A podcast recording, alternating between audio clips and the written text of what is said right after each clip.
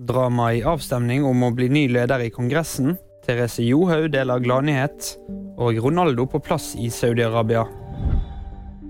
McCarthy tapte første runde. Republikaneren Kevin McCarthy fikk ikke flertall som leder i Representantenes hus i Kongressen i USA. Dermed blir det omvalg for første gang på 100 år. Minst fem representanter hadde sagt på forhånd at de ikke ønsker seg McCarthy som ny leder, og han kan maks ha fire mot seg hvis han skal bli valgt. Therese Johaug er gravid. I et innlegg på Instagram bekrefter 34-åringen at hun og forloveden Nils Jakob Hoff venter barn.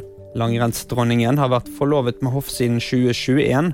Johaug la opp etter OL-sesongen i fjor, hvor hun kronet en strålende karriere med tre gull. Ronaldo sier han gir blaffen i hva folk mener.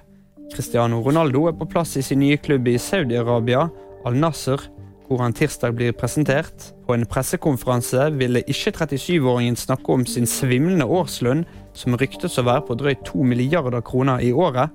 Dette er ikke slutten på min karriere, og jeg gir blaffen i hva folk mener om valget. Det sier Ronaldo. Det var VG-nyhetene. De fikk du av meg, Kristoffer Gåsve Torgersen.